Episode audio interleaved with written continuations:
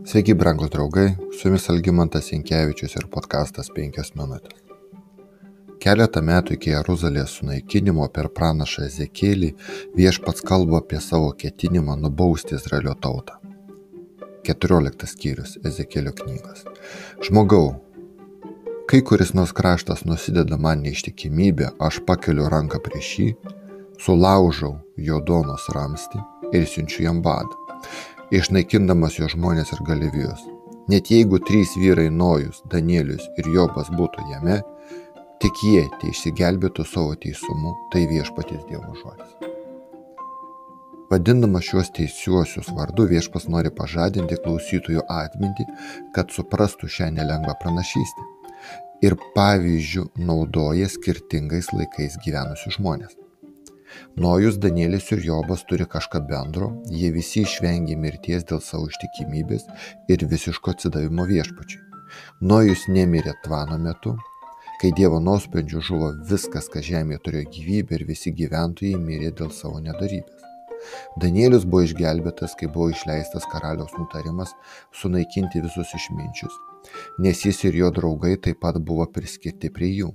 Be to, jis išgyveno tarp alkanų liūtų, kai buvo apkaltintas nesilaikymu karaliaus dekreto, pagal kurį visiems buvo uždrausta melstis bet kam išskyrus Persijos karalių. Ilgai kenčiantis Jobas, praradęs beveik viską, išskyrus savo gyvenimą, išgyveno sunkius šetono smūgius, kurie jį beveik sunaikino. Šie žmonės ištikė išbandymai sustiprino juos ir sustiprino jų ištikimybę Dievui. Bet yra kažkas daugiau ir viešpats atkreipia į tai dėmesį. Visi šie trys teisuoliai savo laiku ne tik patys buvo išgelbėti, bet ir išgelbėjo žmonės, o išgelbėtieji, kaip čia pasakius, nebuvo tokie teisuoliai kaip jie arba visiškai teisūs. Nojus išgelbėjo savo sūnų šeimas, iš kurių vienas vėliau labai nusidėjo savo tėvui.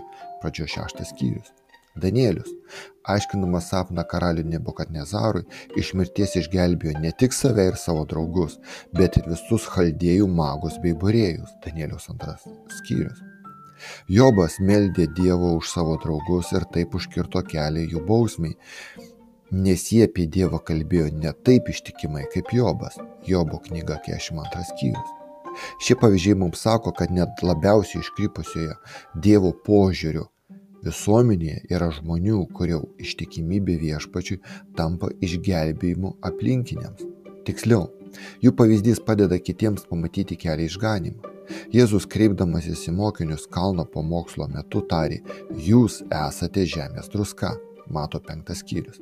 Pagrindinis šio palyginimo mintis yra ta, kad kaip nedidelis druskos kiekis užkerta kelią ankstyvam maisto gedimui, taip tarp žmonių gyvenantis teisėjai, kurie gyvena kaip teisėjai, tam tikra prasme jiems tampa ne tik išganimo priemonės kleidžiant gerąją naujieną, bet be Be abejo, visa tai per juos atlieka šventoji dvasia, bet ir dėl ištikimų Dievo asmenų taip pat yra pratesiamas jiems malonės laikas.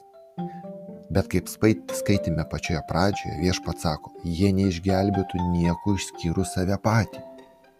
Ir tai, brangus draugai, yra baisus įspėjimas, priminantis mums, kad mūsų išganimas yra mūsų asmeninio santykio su Dievo klausimas. Dievo teismo metu nebus jokio kolektyvinio išganimo ir nebus niekas kitas atsakingas už mano išgelbėjimą ir mes negalėsime parodyti į kitą ir pasakyti Dieve, aš netikėjau tavimi, todėl kad jis mane skaudino, jis elgėsi ne taip. Kiekvienas bus atsakingi už save Dievui. Taigi šiandieninis laikas yra malonės metas, kai vis dar yra galimybė žvelginti tikinčiųjų tikėjimą, pasirinkti savo išganimo kelią. Apaštalas Paulius kviečia tuos, kurie atkreipia dėmesį jau atkreipė dėmesį į dievobaimingų žmonių gyvenimą pereiti prie lemiamų pokyčių savo gyvenime. Hebrajams 12 skyriuje nuo pirmos eilutės jis sako, todėl ir mes. Šitokia debesies liudijimo apsupti, nusimeskime visas naštas bei nuodėmės pinklės ir ištvermingai bėkime mums paskirtose lenktynėse, žiūrėdami į savo tikėjimo vadovą ir ištobulintoje Jėzų. Jis, vietoj savo pridarančių džiaugsmų, nepaisydamas gėdos, iškentė kryžių ir atsisėdo Dievo sostų dešinėje. Su jumis buvo penkios minutės ir Algymantas Jankievičius.